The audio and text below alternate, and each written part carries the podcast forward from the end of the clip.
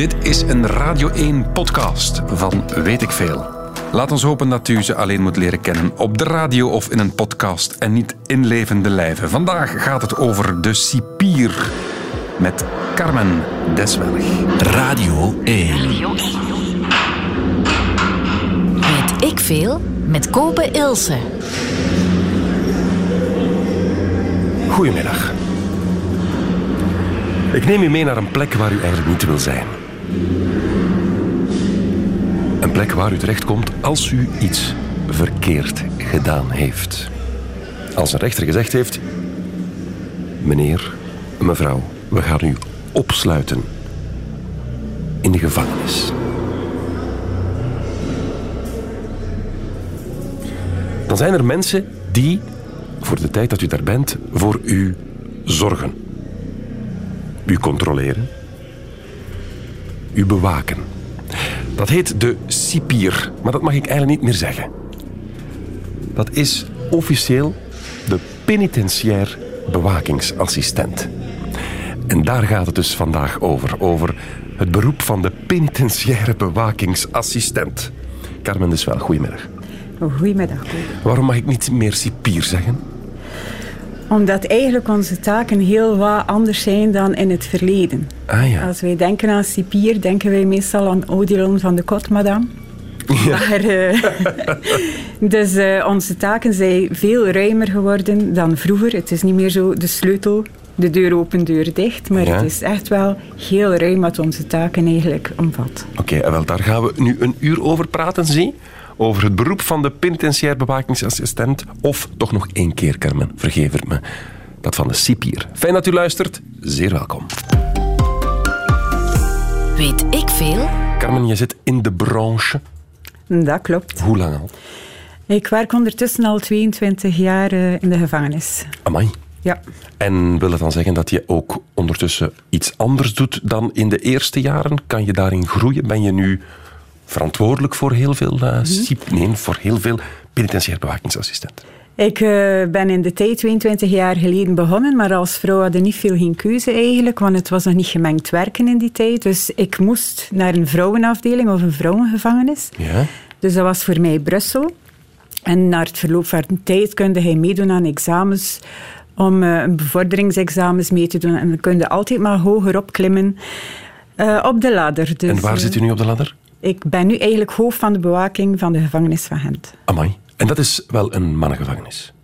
Of ook Eh, wij hebben eigenlijk ook een vrouwenafdeling. Ja. Het is Maar- vooral een arresthuis. Maar nu kunnen dus ook vrouwelijke bewakingsassistenten, cipiers, ook mannen bewaken. Ja. Dat mag ondertussen. Dat is eh, ondertussen sedert eh, 2000. Dan pas. Ja. En heeft dat om veiligheidsredenen te maken? Of wa- waarom was dat? Ja, vroeger was dat zo. eh, de, vrou- de vrouwen moesten werken met de vrouwelijke gedetineerden. Is dat om, om de verleidingen tegen te gaan? Ja, aanvankelijk was dat zo wat... Allee, ja, ze wisten het niet goed. Hè. Hoe gaat dat overkomen naar de gedetineerden? Hoe gaat het personeel daarop reageren? Mhm. Maar uiteindelijk moeten we wel vaststellen dat dat wel een positief effect kan hebben. Is dat zo? Ja, toch wel. Word je als vrouw niet continu belaagd? En... Nee. Nee, eigenlijk niet. Want een vrouw kan eigenlijk een mannelijke gedetineerde ook wel rustig houden. Door, omdat die op een andere manier communiceren, rustig... eh, Minder macho waarschijnlijk. Ja, ook. Ja. Minder haantjesgedrag. Oké, goed. Hoe word ik cipier, wat ik zeg, maar ik mag het niet zeggen, penitentiair bewakingsassistent?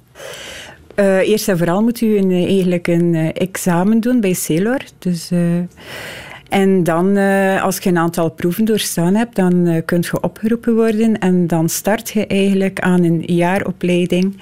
Ehm, dat eh, omvat vooral drie maanden in het eh, opleidingscentrum. We hebben een opleidingscentrum om vooral de, de regelgeving en verschillende manieren van sociale vaardigheden aan te leren.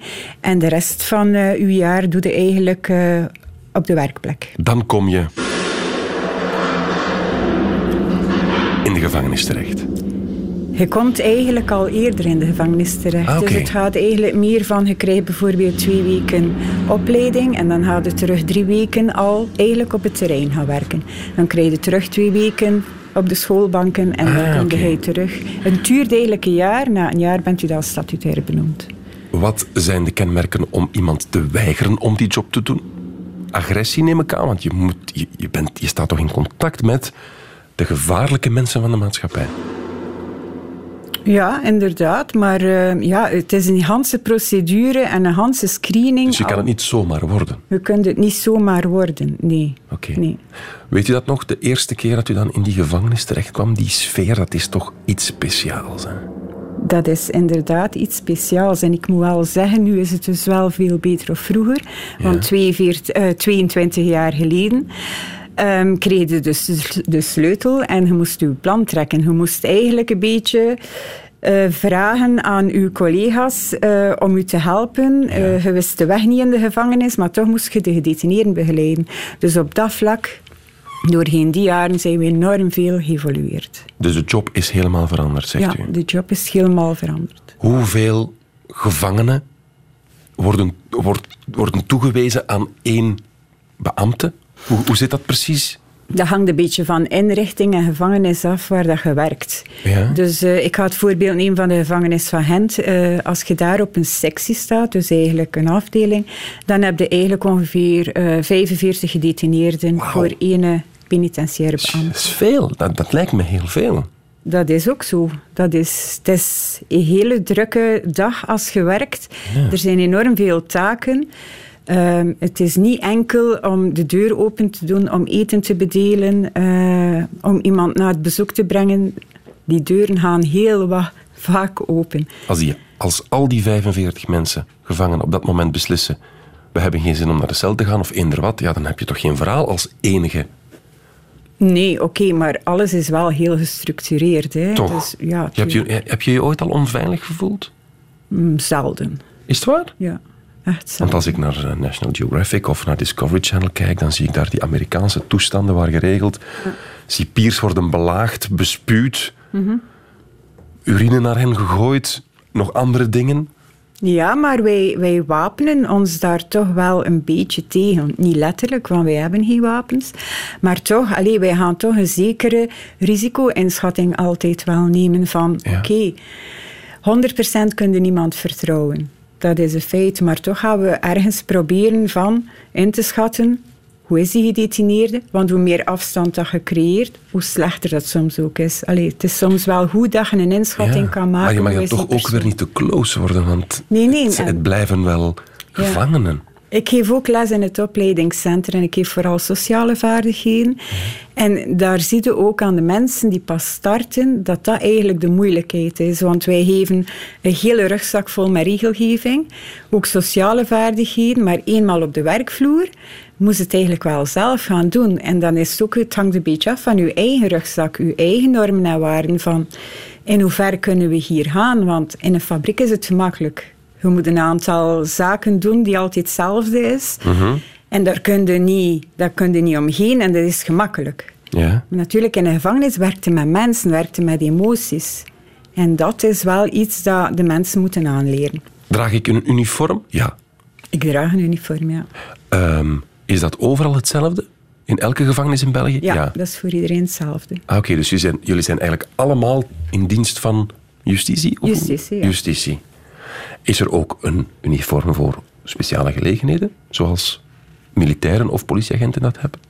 Nee, nee. Uh, Niet zozeer. Wij hebben dus uh, ons uh, kledijpakket.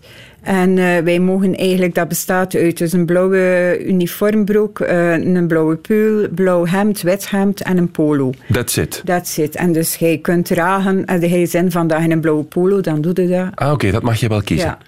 En ik heb me laten vertellen dat de schoenen zo ouderwet zijn dat niemand die wil. Nee, maar gelukkig hebben ze de schoenbons uitgevonden Okay. en kunnen we wel zelf. Vertel dat eens. Dus uniform natuurlijk. de eh, standaard schoenen trekken op niks.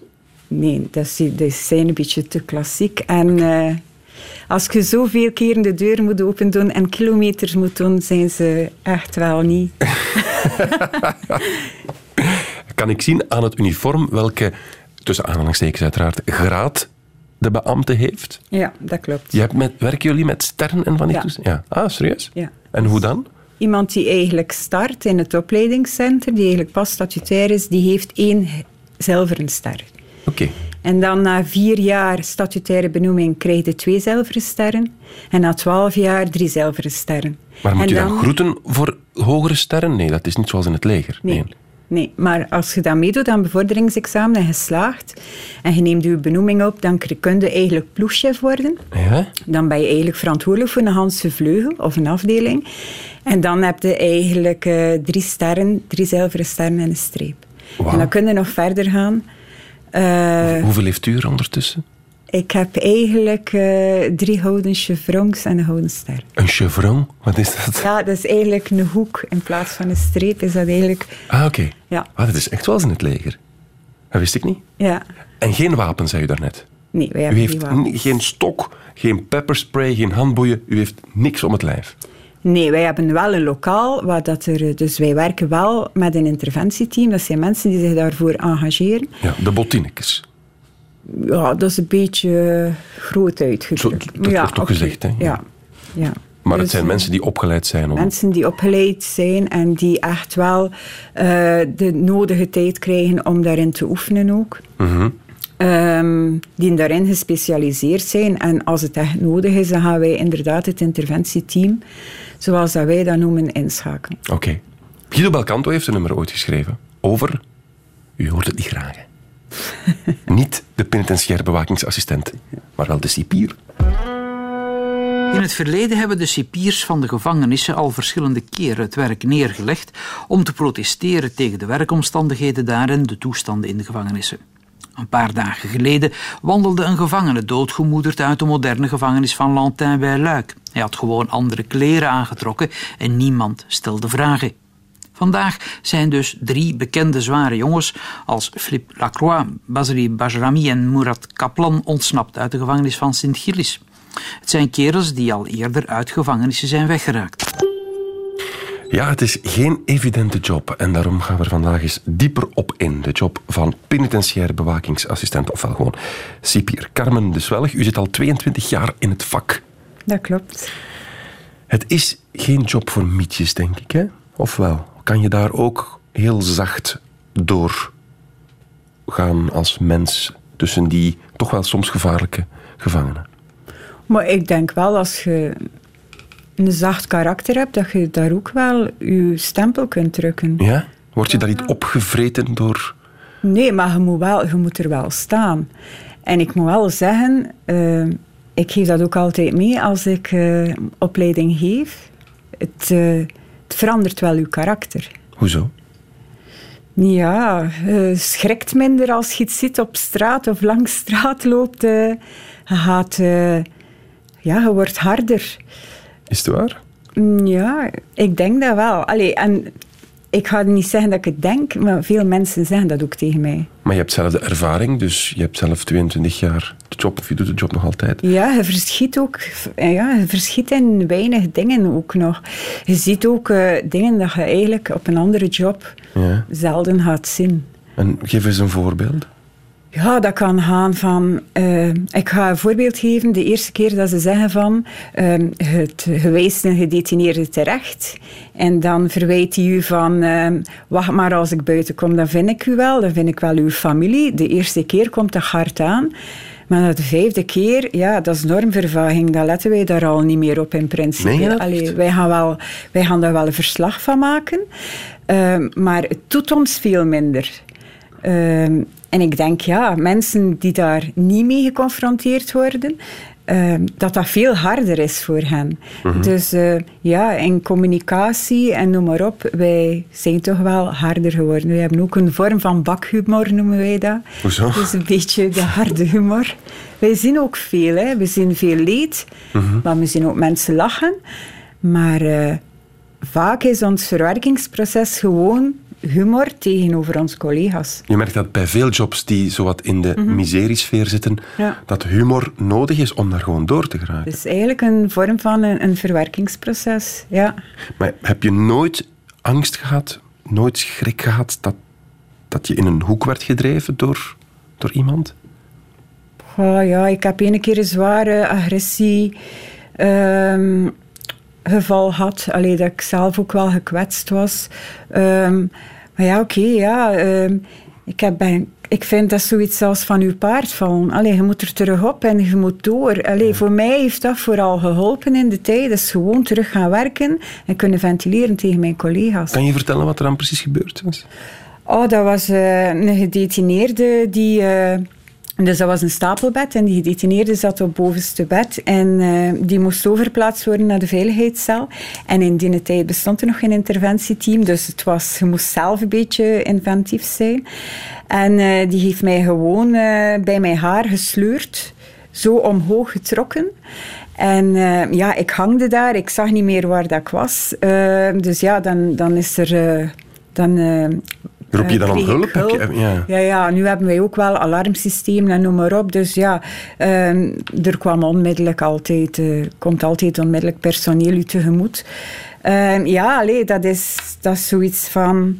Heel mijn huidhoofd was uh, eigenlijk een beetje uitgerokken. Van, allee ja, ik ben al niet, niet te mager. Die trok mij gewoon van de grond. Dus... ja, ja. Ja, je ziet het soms ook niet altijd aankomen. Hè? Maar nu weet ik dat. Ik ga nooit nog voor iemand staan die op bovenste bed zit. Allee, je leert daar natuurlijk ook wel ja, van je fouten. Dat is geen fout, want je vraagt daar niet om. Hè? Nee, nee, nee. En, en een verbale intimidatie, dat moet je toch ook al... Ja, dat gebeurt eigenlijk vaker dan eigenlijk fysieke agressie. En, en, en hoe dan? Is dat echt bedreigingen uiten? Is dat gewoon beledigen? Is dat u kleineren? Wat is zo het vaakst voorkomende dan? Ja, het vaakst voorkomende is inderdaad van ja, uh, ik ga je wel vinden. En uh, wij dragen ook onze badge, onze naambadjes. Hebben, ze hebben zij ook onze gegevens. Ik bedoel, ze weten onze naam, dus... Uh, de volledige naam staat op die badge? De volledige naam staat op die badge, ja. Maar als wij een verslag maken van een bepaalde gedetineerde, dan staat onze naam ook op dat verslag. Dus allez, zij weten ook wel wat is de naam? Dus als, zij, als ze willen, als ze echt willen en ze geven opdracht naar buiten toe uh, om iets op te zoeken, dan gaan ze het ook wel weten. En ben je ooit een uh, gevangene tegengekomen, maar dan laat buiten?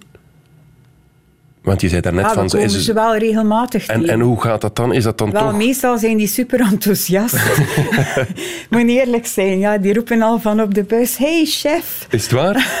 hoe is het? Ah, de nieuwe wandeling. Dus de gevangenen zeggen chef tegen de cipiers, tegen de Ja, meestal zeggen die wel chef, ja. Ah, ja. ja ook, ook spreken die vaak aan met de voornaam, hoor. Allee, dat creëert zo wat minder Toch. afstand, ja. ja. Zijn er al vriendschappen gegroeid? Zijn er mensen die u ooit in de gevangenis heeft gehad, waar u nu gewoon echt een heel warm, goed contact mee heeft? Of mag dat niet? Nee, in principe mag dat niet. Eigenlijk mag je geen contact hebben met... Ook niet naar, erna? Als zijn straf is uitgezeten en als hij gewoon terug opnieuw een deel is van de maatschappij. Ja, zo leren we het wel de mensen aan. Allee, ja, het, hoe meer, meer, afstand dat je neemt buiten, hoe beter. Allee. Ja. Het kan natuurlijk ook omgekeerd zijn, hè, dat je iemand kent en dat die in ene keer voor een bepaalde feit wordt opgepakt en die komt heb op je dat meegemaakt? Dat, dat, de buurvrouw ineens uh, bij u... Ik zelf heb het nog niet meegemaakt, maar het gebeurt vaak. Ja. En dan geven wij gewoon de tip mee van, meld ons dat. Welke impact heeft dat voor u? Hoe voelt dat aan? Ja. Is dat de, ja, hoe is die relatie? Is dat een familie of zo? Dan gaan we toch proberen uh, via de directeur uh, om een transfer eigenlijk te regelen dat die gedetineerd naar een andere gevangenis kan. Dus eigenlijk begrijp ik dat uw carrière in de gevangenis qua trauma's best is meegevallen. Maar we zien allemaal nog beelden van cipiers, toen mocht je dat wel nog zeggen, in der tijd, in de jaren negentig, die op auto's lagen Ja. waarmee de gevangenis werd buitengereden. Dat moet toch verschrikkelijk traumatiserend zijn, zoiets. Ja, ja dat is enorm. U Dat kent die eh, collega's waarschijnlijk wel. Ik heb er nooit zelf mee gewerkt, dus uh, allee, ik, Nee. heb ze, ik ken ze eigenlijk niet persoonlijk. en opstanden, is dat het ergste wat kan gebeuren? Is dat het, het grootste gevaar aan de job?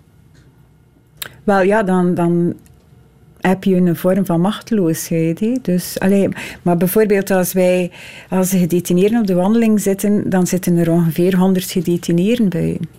Dus op die wandeling. Dus wij gaan ook natuurlijk de veiligheidsvoorschriften gaan wij ook eh, goed toeschrijven. Dus dat wij ook niet op de wandeling gaan gaan eh, wanneer dan er 100 gedetineerden op de wandeling zitten bijvoorbeeld. Dus alles is eigenlijk wel heel goed omschreven. Maar als er morgen iets gebeurt, wij kunnen ook niet alles... eh, Nee. Beschrijven en voorschrijven en noem maar op. Dus eh, soms moeten wij ook wel een keer die... Ja, wij zijn continu bezig met veiligheidsprocessen. Allee, dat is nu vooral mijn taak.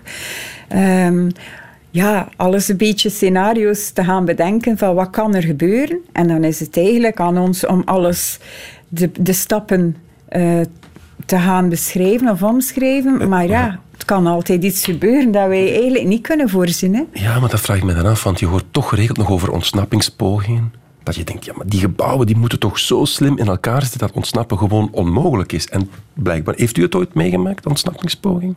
Of een ontsnapping? Ik heb persoonlijk zelf heb ik nooit een, een ontsnappingspoging meegemaakt. Maar ik, ben, ik heb wel in, in Brugge gewerkt, waar dat dan de helikopter... eh, Ah, ja, ja.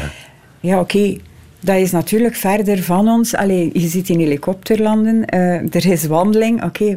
Maar er is een verschil als je eigen veiligheid in gevaar is. Of op dat moment dat er heel een afstand was. Het was iets zo van, ja, wat gebeurt er hier? Allee, dat wel. Je had niet de behoefte om richting helikopter te lopen om Nee. die... Nee. Ah nee, zeker niet. zeker niet. Want dat is nog zoiets. Als een gedetineerde, ik zeg, ik zeg nu maar iets. Eh, hij moet dringend van de medische dienst overgebracht worden naar het ziekenhuis, maar hij moet dringend geopereerd worden. Dan staat hij daar hè, met twee beambtes, penitentiaire beambtes, Ja. in het ziekenhuis. Maar er kan er ook van alles gebeuren. Die gedetineerde kan ook weglopen.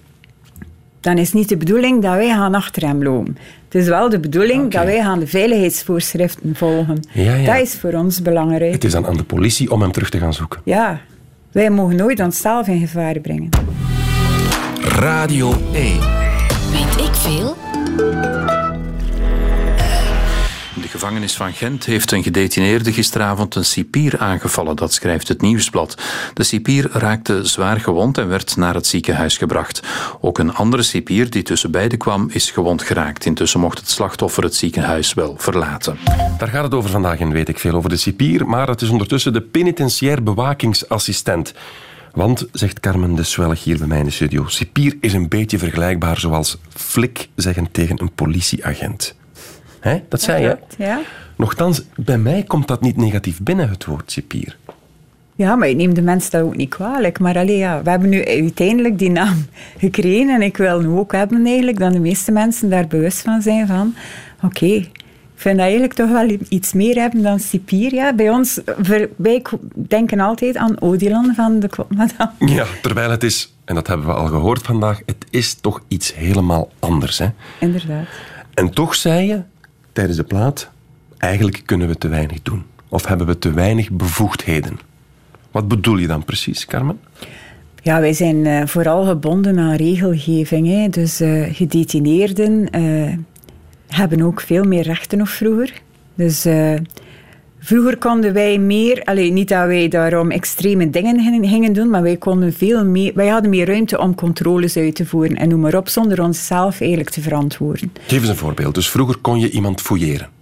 Ja, wij konden iemand eh fouilleren als wij vermoedens hadden van oei, we denken, allee, we hebben iets bizars gezien en we denken dat hij drugs bij hem heeft, dan konden wij eigenlijk eh, zonder veel verantwoording af te leggen eigenlijk een fouillering op het lichaam doen of een naaktfouille, zoals het in de volksmond gezegd wordt. Maar nu moeten we dat eigenlijk allemaal gaan motiveren wat dat de reden is waarom dat we dat eigenlijk wel overgaan tot zo'n fouillering. Dus jullie mogen niet meer zomaar zeggen, Nee. broekje naar beneden, buigjes voorover en hoesten. Nee, en dus zeker niet als penitentiair bewakingsassistent is dat nog de directeur die moet toestemming geven Ah ja. om de fouillering te mogen uitvoeren. Ja. Terwijl op het moment dat je dat wil doen, is de directeur niet in de buurt en loopt het risico dan waarschijnlijk dat de gedetineerde Ja. ermee wegkomt. Of... Ja, wij proberen, allee, dat is dan vooral onze taak ook, alleen mijn taak.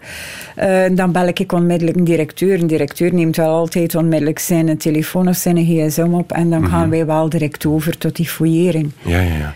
Ehm, er komt wel wat binnen. Hè. U zei het er net al, het vermoeden van drugsmokkel of inderdaad, er komt wel wat binnen in de gevangenis, denk ik. Hè. Ja, nu ja, het is zo. Allee, ja, eh, gedetineerden hebben nog altijd contact met de buitenwereld. Hè. Dus er zijn verschillende bezoekmodaliteiten. Dus eh, in normale omstandigheden is bezoek aan tafel. Ja, heb ik ooit gedaan. Het is een heel rare ervaring.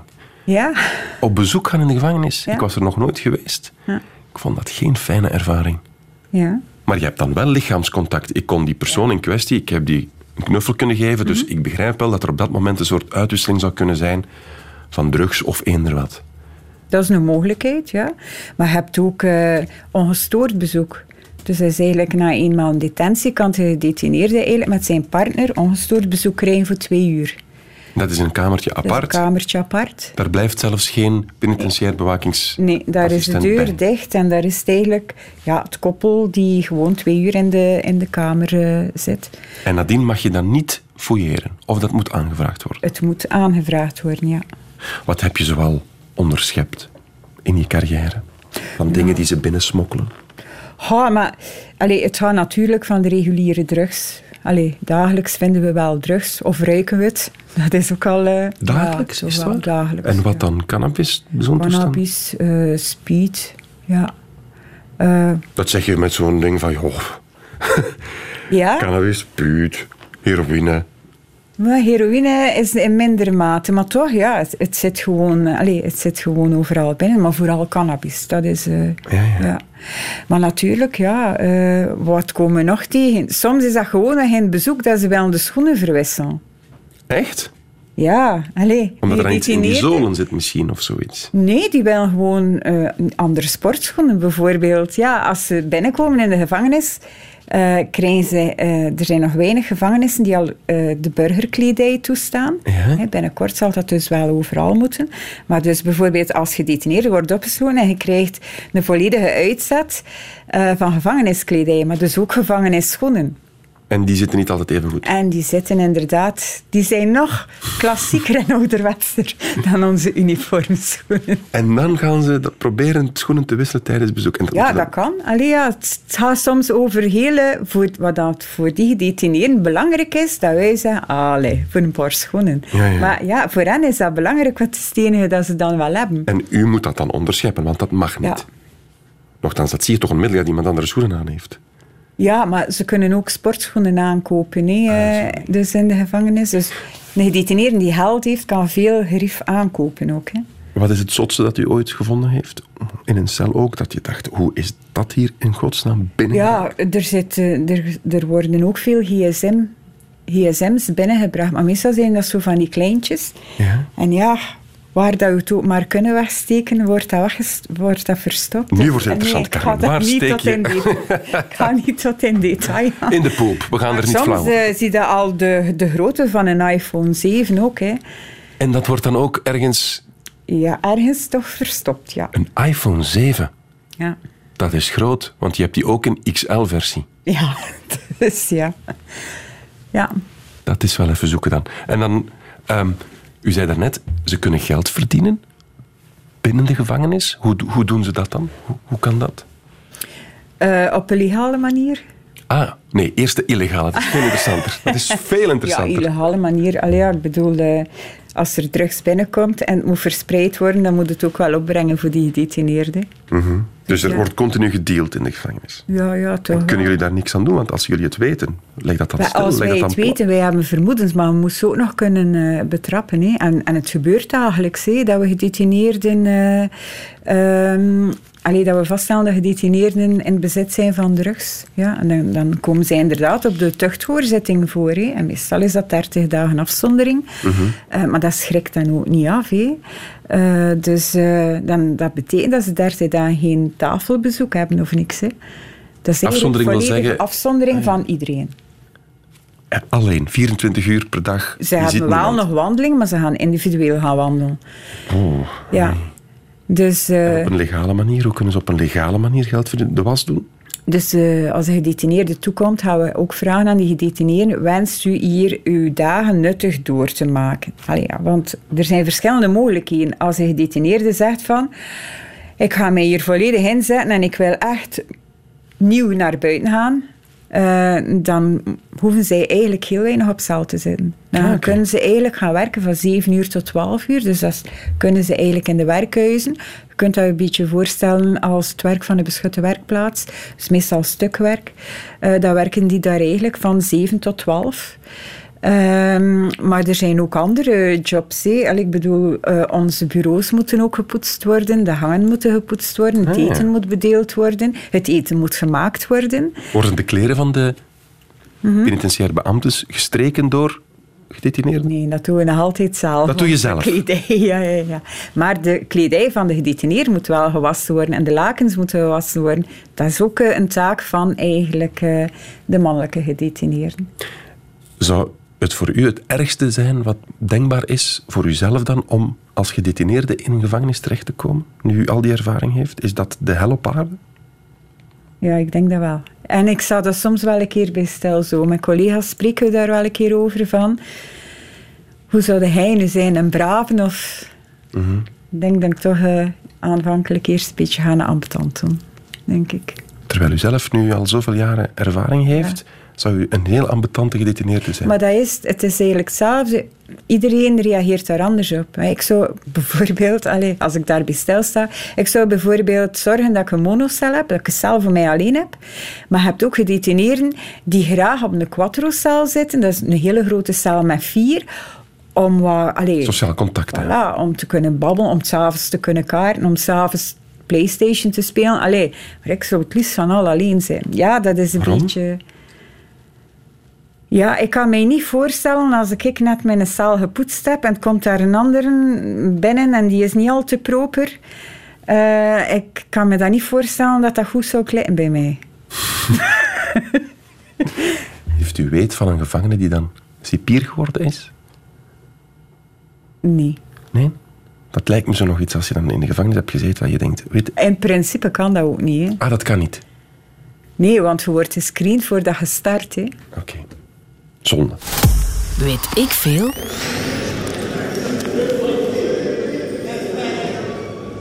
Weet ik veel? Met Carmen de Zwelg. Iemand die al 22 jaar ondertussen zelf in het vak zit van de penitentiair bewakingsassistent. En we hebben ook een eh, tweet gelezen van iemand die zei: Mijn man heeft een korte tijd gewerkt in de gevangenis en kan nu al verschillende boeken schrijven. Carmen, je beaamde dat. Wat kom je zo al tegen? De grootste menselijke miserie die je kan inbeelden? Maar ja, toch wel. Allee, ik bedoel, het is sowieso al, dat geeft een grote impact. Hè. Gedetineerde wordt opgesloten, wordt eigenlijk weggetrokken van zijn familie, wat dat er ook gebeurd is, of voor welke feiten dat hij ook zit. Eh, sowieso in het begin van die detentie is dat niet altijd gemakkelijk. Hè. Naarmate dat die detentie vordert, hij is bijvoorbeeld veroordeeld, dan valt soms al die familie weg. Hè, Het lief komt niet meer naar de, naar de bezoekzaal, die komt hem niet meer bezoeken. Dus het is soms wel hevig, maar we hebben ook wel gedetineerden die binnenkomen, die echt serieus aan het afkicken zijn, die Van eigenlijk drugs. in een psychose geraken. Ja. Dus, eh, en die gedetineerde beseft dat ook waarschijnlijk achteraf ook niet meer, maar wij zitten er wel mee. Allee, Wat ja. heb je al gezien, Carmen? Wat heb je al meegemaakt met, qua menselijk leed?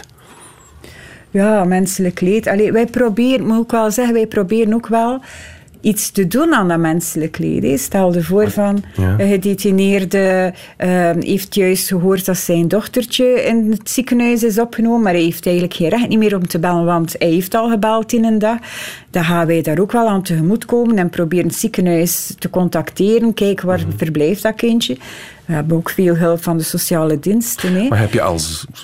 Ik kan me voorstellen dat sommige mensen het echt niet meer zien zitten en, en een, een poging tot zelfmoord doen, of effectief een zelfmoord. Ja. Dat dat lukt, Ja. dat kom je toch ook tegen. Heb je dat al meegemaakt? Ja, ik heb dat al verschillende keren meegemaakt, ja. Het is... eh, ja, iemand die, die je ziet afglijden is, eh, is erg. En proberen wij door te verwijzen. Wij hebben ook een ZMP-groep, dat betekent zelfmoordpreventiegroep. Dat zijn verschillende mensen over verschillende diensten die bij, die bij ons te werk gesteld zijn. En als wij zo'n vaststelling doen, dan gaan wij echt wel doorverwijzen. Gaan we doen signaalherkenning. Is- Ziet hij nog toekomst voor hem? Noem maar op. Doorverwijzen naar de psychiater. Eh gedetineerd kan dagelijks naar een dokter als hij wilt. Hij heeft enkel maar een briefje te schrijven en de dokter ziet hem, ook psychiater En ga je dan alle scherpe voorwerpen uit een cel halen? Dat kan, dat kan een, een maatregel zijn om die gedetineerden te beschermen. Dat kan. Dat hij een periode een, eh, een maatregel krijgt van geen scherpe voorwerpen. Dan gaan we hem blijven opvolgen als- als we zien van er zit weer wat levenslust in of zijn medicatie staat op punt. Kan dat gebeuren dat we dan stap per stap eh, iets gaan teruggeven. Je vindt het moeilijk om concrete dingen te zeggen, hè? Merk ik. Je, je, Ja? je, je, je vertelt het in, eh, Ja. je vertelt het algemeen. Is dat Ja. omdat je of je kan het anoniem vertellen uiteraard, maar dat je toch de privacy wil respecteren. Ik, ik merk dat precies bij u. Maar ja, het is ook wel een beetje zo. Hè. Allee, ja, ik, ik kan hier verhalen vertellen. En dat is zoals in een tweet. Ik kan hier verhalen vertellen dat je zegt, oh, allee, dat kan toch niet. Maar het is inderdaad wel zo. Allee, ja. Wij zien mensen, mensen met een psychose zijn voor ons het moeilijkste inschatbaar. Die, die doen dingen dat ze achteraf zelfs niet meer weten. Allee, ja, en die, eigenlijk de maximumduur voor iemand in de veiligheidscel of in de volksmond cachot, is eigenlijk negen dagen. Maar ik heb al mensen door langer zin in zitten, die gewoon geen tijdsbesef niet meer, niet meer hebben. Die gewoon plassen waar dan ze zitten, die gewoon uitwerpselen aan de muren sme- smeren, eh, dat ze hun naam erin schrijven. Allee, ja. Dus, eh, maar als, je, als, we, als, als ik straks met een vriend of zo iets ga gaan drinken en je vertelt dat, je kunt dat ook niet vertellen. Die mensen zeggen, maar waar werkte hij eigenlijk? Allee, Maar het gebeurt ook niet alle dagen. Wij, wij krijgen ook wel veel allee, eh, een, lachend, eh, een lachend gezicht of zo, dat, dat doet dan ook wel, dat is, dat is de tegenkant, Ik denk, dat doet ook wel deugd dan. Hè. Het is niet allemaal kommer en kwaal. Wordt er gelachen, ja. Ja, tuurlijk. Ook met de gedetineerden dan. Ja, ja, ja. Ik moet ook wel zeggen, als er een agressie of zo is, wat dat eigenlijk minder gebeurt, het is vooral verbale agressie, maar minder fysieke agressie. Maar de keren dat er fysieke agressie gebeurt en er zijn nog gedetineerden in de omtrek, dan gaan zij meestal wel ons beschermen ook of ons helpen. Is waar? Ja. We krijgen een mail van Patrick. Ik ben cipier. Geen hoofd, maar de MVX op sectie. M, spatie V, spatie X, dus geen idee wat het betekent. Maar dan zegt hij, het sanctiesysteem voor ons, cipiers, is erger dan dat van gedetineerden, zegt hij. Volgt u dat? Wel, we hebben het daar pas al een beetje aangehaald. Dus eigenlijk, eh, de gedetineerde doet iets verkeerd of gaat eh, ons zeggen van eh, als ik buiten kom, eh, dan ga ik u wel vinden, verbale agressie. Dan gaan wij daar eigenlijk een rapport van maken. En dat rapport wordt overgemaakt aan de directeur. Die directeur kan beslissen van oké, we gaan die gedetineerden fixeren voor de hoorzitting. En dan heeft die gedetineerde al eigenlijk het recht om zijn advocaat bij de hoorzitting te hebben. En daar wordt er eigenlijk de gedetineerde gehoord. De advocaat heeft eigenlijk ook wel, mag daar eigenlijk... eh, Er zijn paar leden doen. ja, en eh, dan is de directeur die gaat beslissen wat dat de sanctie is. Dus wij kunnen zomaar niet zeggen, vandaag komt hij niet meer buiten. Omwille van het feit dat hij nu gezegd hè, als ik u buiten zie, ga ik u vermoorden. Ja. Dus wij hebben op dat vlak Geen macht. geen macht. Nee. Nee. Dus het is puur een soort assistentiejob. De tijd van de gedetineerde zo vlot mogelijk laten verlopen. En het, en het, en het samenleven in de gevangenis zo vlot mogelijk Ja, gaan wat normen en waarden bijschaven en eh, ja, zo goed mogelijk terug eh, te reïntegreren in de maatschappij. Maar als ik dat zo hoor, we zijn nu al een klein uur aan het praten, Carmen. Ik hoor... Ja, veel verhalen. Dat u bent aan uw haren omhoog getrokken. Dat, dat er mensen in psychose gaan. Dat u zelfmoorden meemaakt. Eerlijk, waarom zou iemand die job willen doen? Zeker als ik dan een mail krijg van iemand die zegt van ja, het sanctiesysteem voor ons... dat van, ik begrijp wel, er is veel sociale onrust bij jullie. Hè? Ja. ja. Waarom doe je die job dan? Maar het is nu ook wel zo, allee, in 22 jaar dienst heb ik geen zware allee, interventie zelf meegemaakt. Hè. Dus eh, vind dat dat eigenlijk, maar dat zal weer mijn detentieschade zijn waarschijnlijk. Ja, uw, uw olifantenvel. Maar eh, inderdaad, ja, allee, ik vind dat dat eigenlijk nog meer... Waarom doen wij dat? Ja, ik vind persoonlijk, iedere dag is er iets anders. Ja, het is wel, in- het is wel boeiend. Het is boeiend. Dat Eh, wel. Ik verschiet soms nog dagelijks van mezelf. Allee, hoe dat ik op bepaalde reacties ga reageren. Ik vind het, persoonlijk vind ik het boeiend. Maar inderdaad, we gaan niet gaan werken om hele dagen verweten te worden. ehm, om bedreigd te worden. Dat is het niet. Maar er zijn een aantal kleine zaken dat je ook zegt van... Tja, dat was nu een keer een hele goede dag. Allee, Ja. ja, dat je daar wel voldo- voldoening van hebt. Wat schuift dat? En wat bedoelde, wat schuift dat? Dat zeggen wij in Antwerpen, denk ik, over wat verdient dat. Ja, wel, het was dat ik dacht. ja, ik ben van West-Vlaanderen. Wat schuift dat? hè? Ja.